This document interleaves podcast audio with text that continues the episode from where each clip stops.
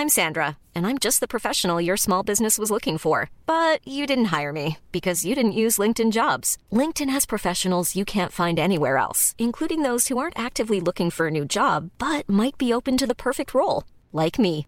In a given month, over 70% of LinkedIn users don't visit other leading job sites. So if you're not looking on LinkedIn, you'll miss out on great candidates like Sandra. Start hiring professionals like a professional. Post your free job on linkedin.com/people today.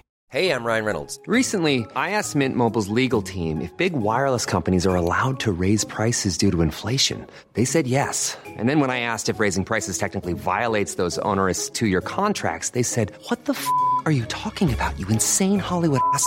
So to recap, we're cutting the price of Mint Unlimited from $30 a month to just $15 a month. Give it a try at mintmobile.com slash switch. $45 upfront for three months plus taxes and fees. Promo rate for new customers for limited time. Unlimited more than 40 gigabytes per month. Slows. Full terms at mintmobile.com. Hey, it's Ryan Reynolds, and I'm here with Keith, co-star of my upcoming film, If, only in theaters May 17th. Do you want to tell people the big news?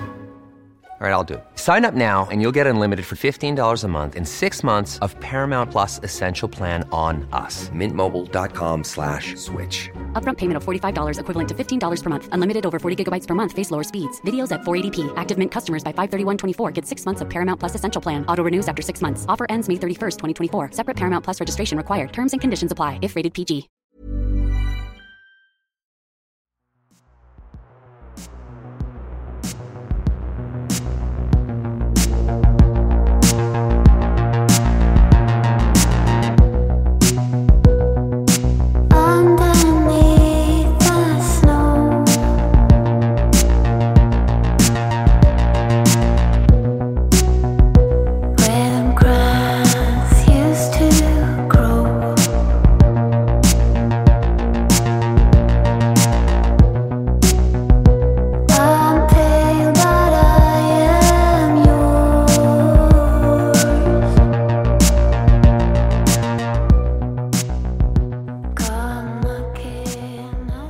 Olösta mord Debbie Collier Det här avsnittet är skrivet av Jenny Sterner och klippningen har gjorts av mig som heter David Oskarsson. Det här är en podd som bara ställer frågor och aldrig ger några svar. Vad tror du själv? Kontakta oss gärna med dina teorier om fallen som vi tar upp. Kontaktinformation finns i avsnittstexten i din poddapp och i slutet av avsnittet. Varning för tematik kring självmord. Vår berättelse börjar för inte särskilt länge sedan. Fredagen den 9 september 2022. Debbie Collier var 59 år gammal och levde ett gott liv i Athens i den amerikanska delstaten Georgia på den amerikanska östkusten norr om Florida. Athens ligger fyra mil nordost om Atlantas stadskärna och har drygt 127 000 invånare. Athens är en universitetsstad och huserar förutom University of Georgia även flera prestigefulla forskningsinstitut.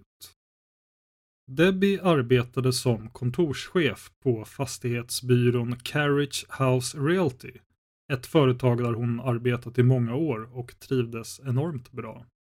Och hennes arbetskamrater trivdes med Debbie. Hon var en glad och positiv person. En sån medarbetare som spred energi på kontoret. Debbie hade tyvärr en ryggskada som gjorde att hon ständigt led av smärta och stundtals behövde äta starka värktabletter.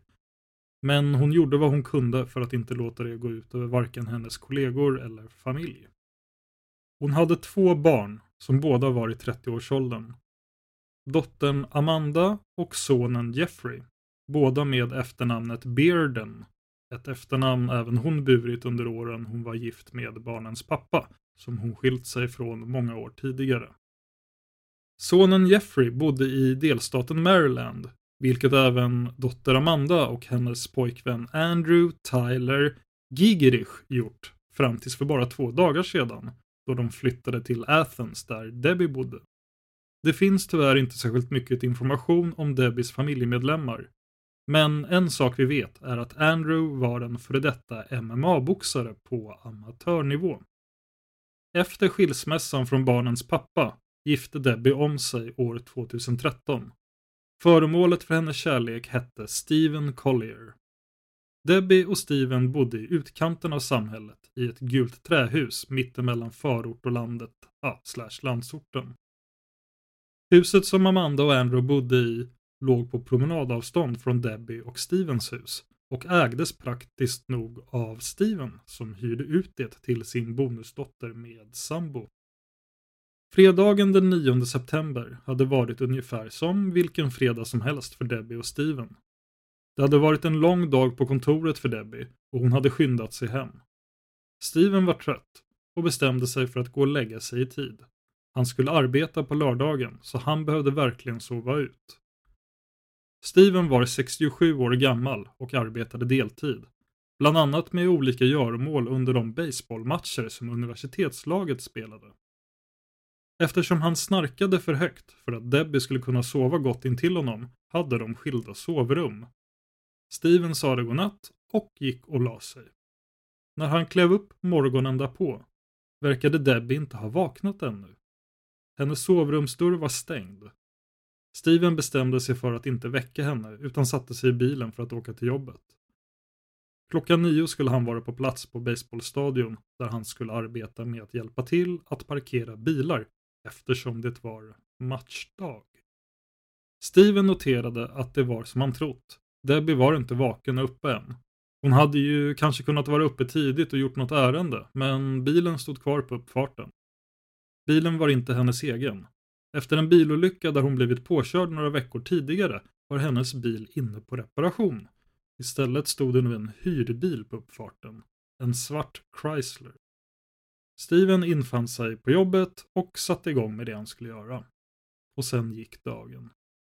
Klockan kvart över tre på eftermiddagen plingade till i Debbies dotter Amandas telefon. Amanda befann sig hemma i sitt hus och såg till sin förvåning att hon hade fått en pengaöverföring. Debbie har fört över 2385 dollar från sitt och Stevens gemensamma bankkonto till Amandas konto. 2385 dollar motsvarar ungefär 25 000 svenska kronor. I meddelandefältet i betalningen hade Debbie skrivit följande. De kommer inte låta mig gå. Jag älskar dig. Nyckeln till huset ligger under den blå blomkrukan vid ytterdörren. Amanda tyckte detta var både märkligt och oerhört obehagligt. Hon hade inte bett sin mamma om pengar och det var ett väldigt stort belopp. Dessutom märkligt ojämnt. Och meddelandet, vad i hela friden betydde det? Amanda ringde Debbie för att fråga, men Debbie svarade inte. Amanda knappade in Stevens nummer istället. Steven befann sig fortfarande på baseballstadion, men skulle strax avsluta sitt pass för dagen. Amanda berättade om överföringen och frågade honom om han visste vad det var frågan om. Men Steven var lika förvånad som Amanda. Han hade ingen aning om vad varken överföringen eller meddelandet betydde. Men han fick verkligen ingen bra magkänsla av det. Det var en sak som var säker. Steven lovade att skynda sig hem, kastade sig in i bilen och var sedan hemma klockan 16. Varken Debbie eller hennes hyrbil var hemma när Steven kom hem och hon gick fortfarande inte att få tag på på telefon. Amanda bestämde sig för att köra över till Steven så att de tillsammans kanske skulle kunna klura ut vad som var i görningen och hoppas på att Debbie skulle kliva in genom dörren vilken sekund som helst. Men när klockan hunnit bli 18 kunde de inte vänta längre. Han hade letat igenom hela huset. Debbie var verkligen inte hemma. Något var fel. Både det stora överförda beloppet och meddelandet om att citat ”De kommer inte låta mig gå”. Slutcitat. Vilka var de? I Amanda och Stevens öron lät det som en kidnappning. Steven ringde polisen. Dessutom berättade Amanda för polisen fanns både Debbies handväska och mobiltelefon kvar hemma. Det var inte likt Debbie att åka iväg utan de här sakerna. En efterlysning av Debbies hyrbil skickades ut. Polisen hade tur. Bilen var utrustad med ett satellitsystem som gjorde den spårbar. Dagen därpå, söndagen den 11 september, hittade polisen bilen en dryg timmes biltur norr om Athens. Den stod parkerad vid vägkanten i ett bergigt skogsområde. En sökinsats efter Debbie påbörjades och inte lång tid därefter hittades Debbies döda kropp 400 meter in i skogen, nere i en ravin. Det såg ut som att hon ramlat ner och försökte dra sig upp igen. Hennes händer omslöt en smal trädstam. Hur Debbie var klädd när hon hittades fanns det olika uppgifter om. Vissa källor menar att hon var naken, andra att hon var delvis påklädd. Ett par källor beskriver det som att hon var naken men låg på sina kläder. En förklaring till de olika beskrivningarna av hennes klädsel var att det uppenbart hade brunnit på platsen och Debbies kropp var, enligt de första rapporterna som kom ut, brännskadad på magen. Om hon hade kläder under kroppen, som vissa källor hävdar, skulle förklaringen kunna vara att eftersom hon var bränd på ovansidan av kroppen så kunde branden bränt bort kläderna där, vilket förklarar varför det såg ut som att hon låg på tyg eller delar av kläder eftersom kläderna under kroppen inte nåtts av elden innan den slocknat. En bit ifrån Debbies kropp låg olika föremål som till synes såg helt nya ut. En blå pressändning, en röd tygväska, pappershanddukar, en regnponcho och en ficklampa. En sprayburk som innehållit någon sorts brandfarlig vätska eller tändvätska låg en bit från kroppen. Dessutom hittades Debbies telefon och plånbok som Amanda sagt legat kvar i Debbies och Stevens hus. I den fanns ett sms till sonen Jeffrey som hon av någon anledning inte skickat. Smset löd på följande vis. I love you. En källa säger också att en skarp patron hittades på platsen. Polisen tog snabbt reda på att föremålen var inköpta i butiken Dollar General. Exakt hur de kom fram till det vet vi inte. Men det kan vara via prislappar som satt kvar eller kanske via ett kvitto i Debbies handväska. Eller genom att logga in på hennes bankkonto och se var ifrån pengar var dragna. Hur det än gick till hittades rätt butik och utredare begav sig dit för att se om de möjligen hade övervakningskameror som fångat Debbie i butiken. Det var nämligen hon själv som gjort inköpen. Dollar General är en sorts stormarknad som har nära 19 000 butiker i USA och Mexiko. Där kan du köpa allt från barnmat till hälsokost och trädgårdsredskap. Och som tur var, var i alla fall den butik som Debbie hade besökt utrustad med högkvalitativa kameror. En övervakningskamera hade filmat när Debbie gick in genom dörrarna på Dollar General klockan 14.55 på lördagen. Debbie, som hade det blonda halvkorta håret klippt i en ungdomligt spretig frisyr, är klädd i en röd kofta, en kort brun kjol, eventuellt ljusa strumpbyxor, en blå handväska och svarta joggingskor. Runt pannan har hon ett ljusrött hårband. På filmen kan man se Debbie vandra runt i gångarna och plocka på sig saker som hon lägger i sin korg. Regnponchon, den blåa pressändningen, tygväskan, pappershanddukarna och ficklampan. Klockan 15.09 betalar Debbie sina inköp och går ut till bilen. Hon hoppar in och blir sittande i 10 minuter innan hon kör iväg klockan 15.19. Utredarna inser att hon gjort pengaöverföringen till Amanda medan hon suttit i bilen. Vad hon ägnat resten av tiden åt går inte att se på filmen. En mordutredning öppnades upp. Det ovanliga fallet genererade löpsedlar över hela landet. Varför mördades en till synes helt vanlig medelålders förortskvinna som de flesta verkade tycka mycket bra om? Och vad var det med de udda föremålen hon köpt? Vad skulle hon med dem till? Och varför hittades de på mordplatsen? I Athens flockades reportrarna. De gick från dörr till dörr för att försöka få ur grannarna något nytt, något bra stoff som de skulle kunna skriva om. En granne berättade för en journalist att hon hade hört något slags bråk i Debbie och Stevens hus på fredagskvällen. Hon berättade att det lät som något slags tumult. Det hördes rätt ofta personer som skrek på varandra hemma hos Debbie och Steven, berättade grannen. Sonen Jeffrey och dottern Amanda blev också båda förhörda av polis och dessutom intervjuade av media. Jeffrey uteslöts som misstänkt tidigt under utredningen eftersom han befann sig i Maryland. Även Debbies man Steven togs bort från listan över potentiella mördare. Det fanns både vittnen och inspelningar från övervakningskameror som visade att han var på sitt jobb på baseballstadion under lördagen. Amandas pojkvän Andrew var upprörd. Han kände att han och Amanda behandlades som misstänkta av polisen. Teorierna florerade om vad, vem eller vilka som orsakat Debbies död. För inte kunde väl ha varit någon sorts märklig olycka.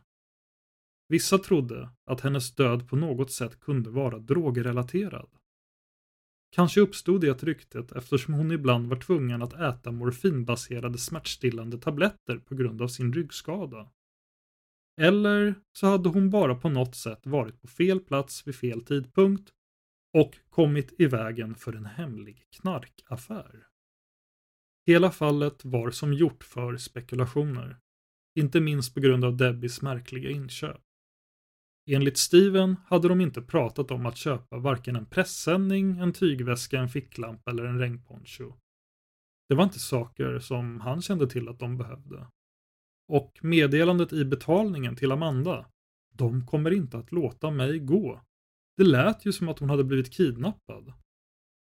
Men på inspelningarna från övervakningskamerorna, både från Dollar General och från parkeringen utanför där hon sitter i bilen, då är hon helt ensam. Och hon verkar lugn. Både så vitt man kan se på övervakningsvideorna och att döma av det som personalen i butiken sagt i polisförhör. Hey, I'm Ryan Reynolds. Recently, I asked Mint Mobile's legal team if big wireless companies are allowed to raise prices due to inflation. They said yes. And then when I asked if raising prices technically violates those onerous two year contracts, they said, What the f are you talking about, you insane Hollywood ass? F- So to recap, we're cutting the price of Mint Unlimited from $30 a month to just $15 a month. Give it a try at mintmobile.com slash switch. $45 upfront for three months plus taxes and fees. Promo rate for new customers for limited time. Unlimited more than 40 gigabytes per month. Slows. Full terms at mintmobile.com. I'm Sandra, and I'm just the professional your small business was looking for. But you didn't hire me because you didn't use LinkedIn jobs. LinkedIn has professionals you can't find anywhere else, including those who aren't actively looking for a new job but might be open to the perfect role, like me. In a given month, over 70% of LinkedIn users don't visit other leading job sites. So if you're not looking on LinkedIn, you'll miss out on great candidates like Sandra. Start hiring professionals like a professional. Post your free job on linkedin.com/people today. How would you like to look five years younger? In a clinical study, people that had volume added with Juvederm Voluma XC in the cheeks perceived themselves as looking five years younger at six months after treatment. Look younger, feel like you. Add volume for lift and contour in the cheeks with Juvederm Voluma XC. Reverse signs of aging by adding volume to smooth laugh lines with Juvederm Volure XC. For important safety information and to find a licensed specialist, visit juvederm.com. That's J U V E D E R M.com. Not for people with severe allergic reactions, allergies to lidocaine, or the proteins used in Juvederm. Common side effects include injection site redness, swelling, pain, tenderness, firmness, lumps, bumps, bruising, discoloration, or itching. There's a risk of unintentional injection into a blood vessel, which can cause vision abnormalities, blindness, stroke, temporary scabs, or scarring. Talk to a licensed specialist to find out if it's right for you. Men så hittade polisen ändå något att gräva i. Något som kanske kunde vara en ledtråd. Beloppet som Debbie skickat till Amandas bankkonto motsvarade nästan på dollarn ett belopp som Debbies svärson Andrew hade krav på att betala in till rätten. Detta visade det sig när de undersökte de närmast anhörigas liv. Det visade sig nämligen att Andrew hade en historia av brottslighet av olika slag och att han brutit mot sin villkorliga frigivning vid ett tillfälle. För det hade han blivit dömd att betala drygt 2000 dollar i böter. Andrew hade bland annat åkt fast och in för att ha kört bil vårdslöst, kört bil onykter, för att ha kört utan bilbälte och för innehav av marijuana och dessutom för misshandel. Den 23 september, 12 dagar efter att Debbie hittats död, kom det fram att Andrew under ett bråk med Amanda ett år tidigare misshandlat henne. Polisen kom till deras hem och Andrew blev gripen. Efter detta skrev Andrew en lapp till Amanda där han kallade henne för citat en ljugande jävel slutcitat och hotade att skada Amandas familj om hon inte försvann ur hans liv. Amanda har även hon häktats flera gånger tidigare i samband med bråk med tidigare pojkvänner. Även den här gången togs hon in på förhör eftersom hon hävdat att Andrew brutit sig in i hennes hus och misshandlat henne. Vilket inte stämde. De var sambos. Misshandel är dock såklart misshandel oavsett. De båda blev ett par igen efter att Andrew tillbringat en kort tid i fängelse följt av ett drogrehabiliteringsprogram. Bråken fortsatte dock regelbundet enligt vittnen. De bråkade, gjorde slut och blev tillsammans igen. Eftersom Andrew bevisligen var fysiskt våldsam såg de lappen som ett direkt hot, även om den skrivits ett drygt år tidigare. På mamma Debbies Facebook-sida fanns ett foto som uppmärksammades efter att informationen om Andrews hot läckt ut till allmänheten. Det är en selfie där Debbie har en stor blåtira runt sitt högra öga som är så svullet att det ser ut som att hon nästan inte kan öppna det. Hon har lagt ut det med en bildtext där det står att hon råkade stå på näsan. Efter att Andrews brottsliga och våldsamma agerande blivit känt publicerade media fotot av Debbie vilket ytterligare ökade på spekulationerna om att Andrew var inblandad i Debbies död. Men det var inte bara Andrew som hade hotat Debbie. En månad innan sin död hade Debbie varit med om bilolyckan som lett till att hon körde en hyrbil, den svarta Chryslern.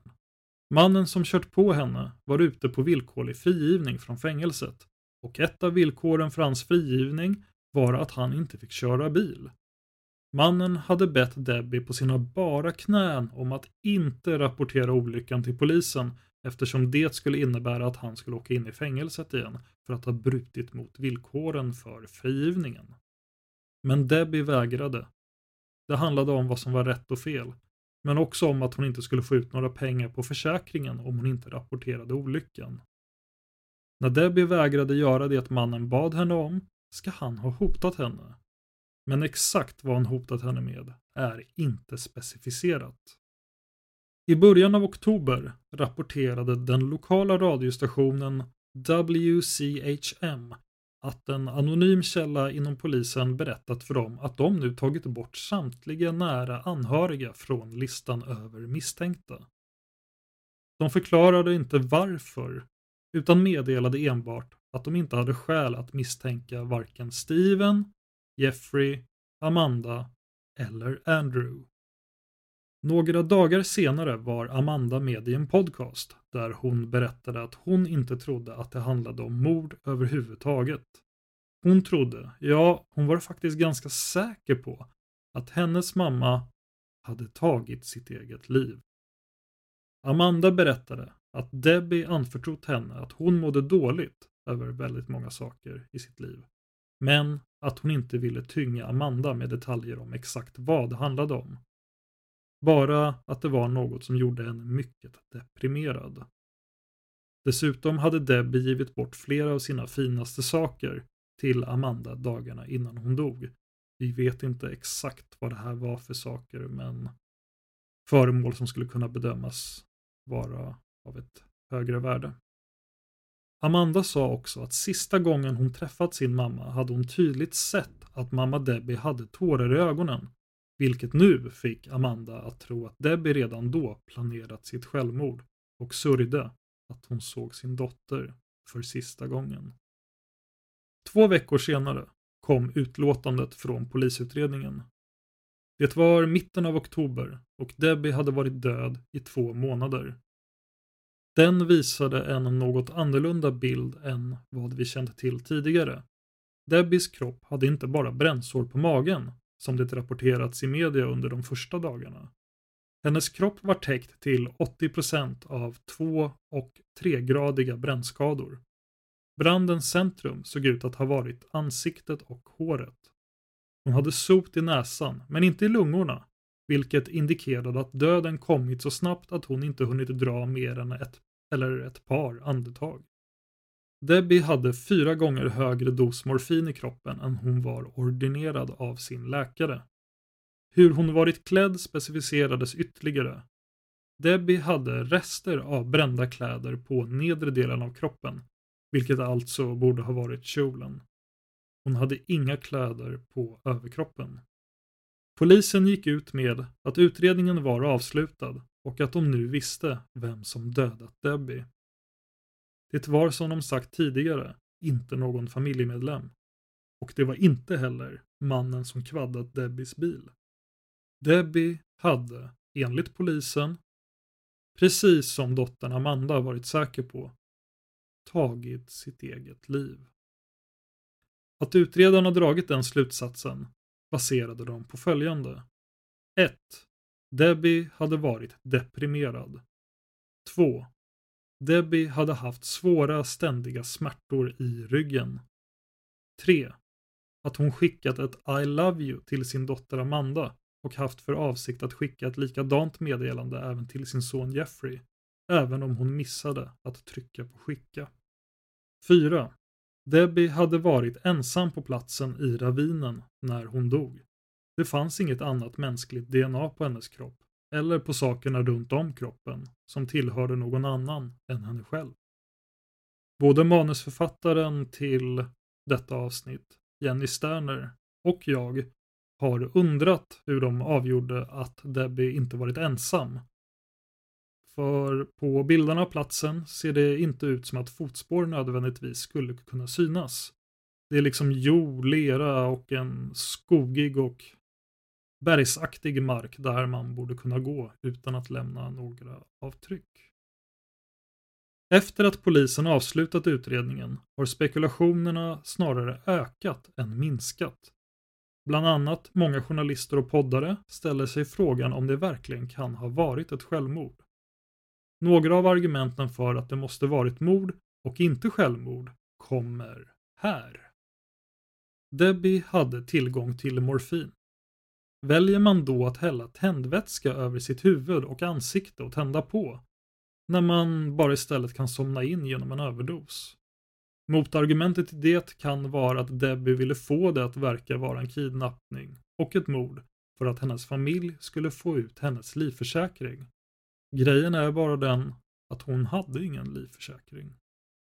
Ingen tändare, inga tändstickor eller annat att tända på med hittades på platsen enligt de dokument som är offentliga.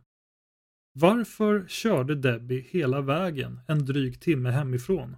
Och varför såg det ut som att hon försökte dra sig upp? Hon höll ju händerna runt en trädstam när hon hittades. Dessutom var hon i ordning gjord och eh, snyggt klädd. Och då kan man fråga sig, skulle en deprimerad person som planerar att ta livet av sig verkligen piffa upp sig på detta sätt? Det finns de som hävdar att det är märkligt att hon inte hade sot i lungorna, vilket indikerar att hon dog mycket snabbt. Men mängden tändvätska som används var inte stor nog för att en så våldsam eld skulle blossa upp att hon skulle ha dött på bara ett par andetag. En av de som hävdar detta är den välkända rättspatologen Joseph Scott Morgan. Han är professor på Jackson State University och även ledamot i The American Board of Medicollegial Death Investigators. Denna man har även en intressant podcast som heter Bodybags. Rättspatologen Michael Baden, som tidigare ansvarat för rättspatologin i New York, håller med. Den idag 89 år gamla Michael Baden har haft många kända uppdrag genom åren. Bland annat har han varit ansvarig rättsläkare i mordutredningarna för John Belushi och Nicole Brown Simpson, där han var en del i det så kallade Dream Team som lyckades få O.J. Simpson friad. Han har även utrett kalla fall som morden på John F Kennedy och Martin Luther King. Ni som lyssnar på Seriemördarpodden och har följt fallet med Long Island Serial Killer känner till att Michael Baden var den som undersökte ett av de potentiella offren, kärnan Gilbert. Dr. Baden menar på att avsaknaden av sot i Debbies lungor indikerar att hon var död redan när hon började brinna. Enligt honom hittas sot i lungorna i 99% av alla fall då någon dött i en brand. Dr. Baden säger också att dosen smärtstillande Debbie hade i blodet inte är jättehög egentligen. Dosen var fyra gånger högre än normalt, inte 20. Dessutom hade Debbie tagit morfin länge, vilket ofta leder till ökad tolerans. Att Debbie hittades i alla fall delvis naken tyder också på att det inte var självmord, säger Dr. Beiren. Att klä av sig på överkroppen innan ett självmord är enligt honom inte vanligt. Dottern Amanda håller däremot med om utredningens slutsatser. Hon hade ju redan tidigare öppet sagt att det var den teorin som hon själv trodde på. Sonen Jeffrey säger dock att han fortfarande tror att Debbie blev mördad trots att han litar på att rättsläkarens bedömning är korrekt. Det spekuleras fortfarande kring Andrew och kring Andrew i kombination med Amanda. Mördade de Debbie? Hotade de henne att skicka pengarna till Amanda precis innan hon försvann? Beloppet som nästan exakt motsvarade det belopp Andrew var skyldig i rätten. Det kan finnas skäl att fråga sig detta då Andrew ju varit dokumenterat våldsam samt även hotat Debbie och hennes familj. Varför hade Amanda sagt att Debbies plånbok och telefon låg kvar i huset trots att det inte stämde? De sakerna hittades ju sedan på platsen där Debbies kropp hittades. Och varför köpte Debbie en pressändning, en ficklampa, en regnponcho och en tygväska? Kanske kommer vi aldrig få svaren på de här frågorna. Men såklart hoppas jag på att någon gång i framtiden kunna komma med en uppdatering. Tack till Jenny Sterner för manuset för detta avsnitt. Jag som har läst in avsnittet heter David Oskarsson och det är även jag som har klippt det. Maila oss dina teorier om fallen som vi tar upp på simwaypodcast@gmail.com. Det är alltså Z I M W A Y podcast at gmail.com. Tack till Tripnaha för låten Immune som ni hör i början och slutet av varje avsnitt. Och tack till dig för att du lyssnar på Olösta mord. Ah, ah, ah.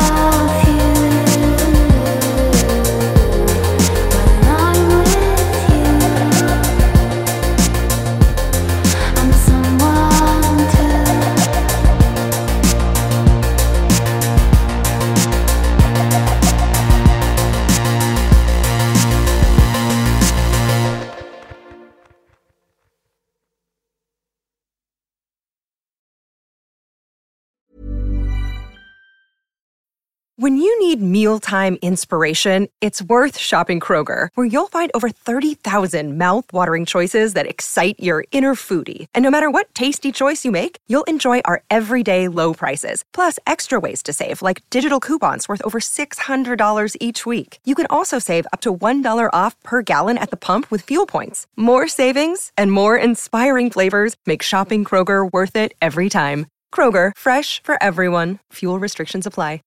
This is the story of the one. As head of maintenance at a concert hall, he knows the show must always go on. That's why he works behind the scenes, ensuring every light is working, the HVAC is humming, and his facility shines. With Granger's supplies and solutions for every challenge he faces, plus 24 7 customer support, his venue never misses a beat. Call quickgranger.com or just stop by. Granger for the ones who get it done.